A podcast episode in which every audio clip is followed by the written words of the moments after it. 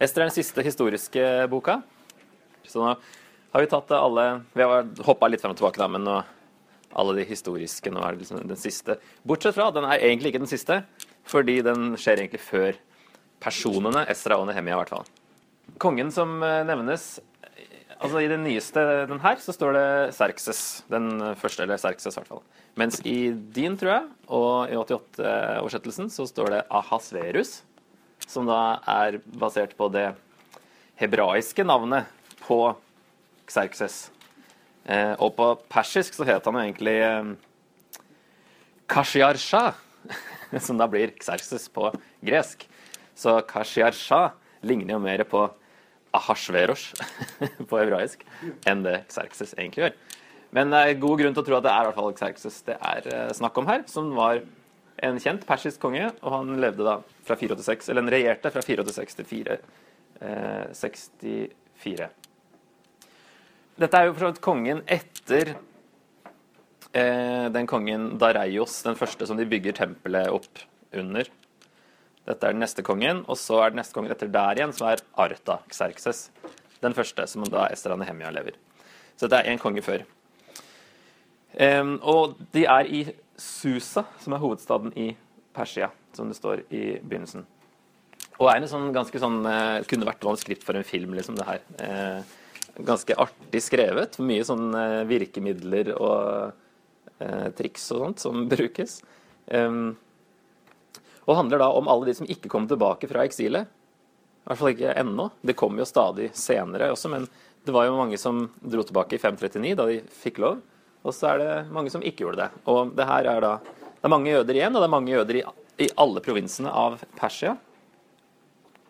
Og det her handler da egentlig om alle jødene i hele Persia, i, ytterste konsekvens, i det som skjer i plottet. Men uh, Ester er da i hovedstaden i Susa. Så hun blir eh, ja, dere, Jeg skal grøpe historien, om, så dere, dere, kan eller sikkert hørt litt, men uansett så må jeg forklare litt hva som skjer. Hun blir da dronning av Persia. Det kan hende at han hadde flere konger, nei, flere dronninger. Flere koner. Han um, Xerxes her, han ifølge Herodotus, en gresk historieskriver, som er egentlig den eneste som har skrevet noe særlig om den perioden her, utenom Ester, da Eh, han sier at han var en uh, skjørtejeger uten selvkontroll, den kongen her. Så han hadde i hvert fall flere damer, om han ikke hadde flere koner. Men det er jo det, hun erstatter jo dronning Varsti, som da nekter å komme fordi ja, når han sier hun skal komme, og sånne ting. Så det er litt sånn eh, hoffintriger. Så hun blir da dronning, og bruker da sin innflytelse som dronning til å redde egentlig alle jøder i hele Persia. Det begynner med at han var konge over 127 provinser.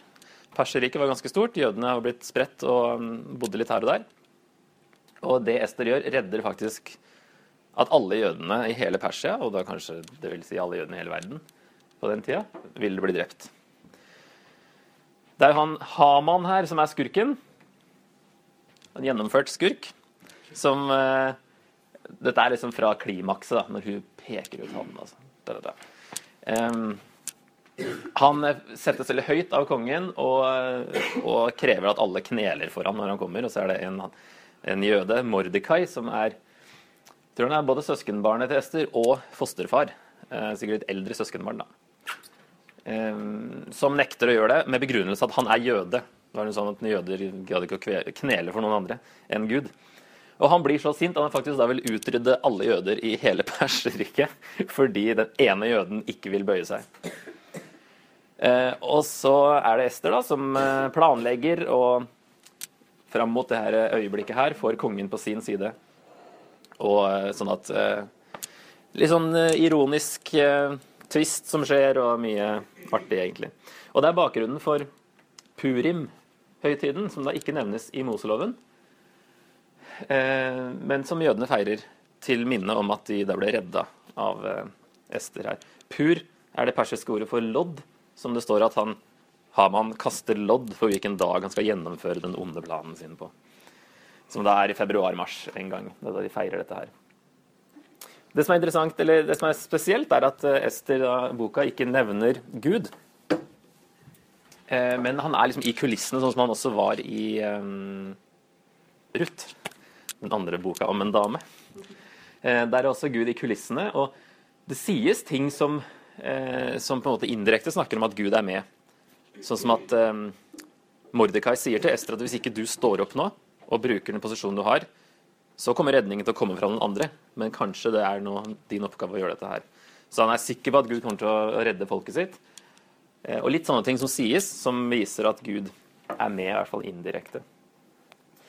Men det er veldig sånn, ja, ingrediensene for en god historie er med. Eh, det er da en vakker og modig heltinne.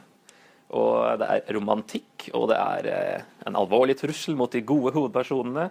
Og da denne onde skurken, og så er det spenning og ironi og twister og en happy ending. Og så fremstilles han ganske latterlig, og det er meninga vi skal le av han, skurken.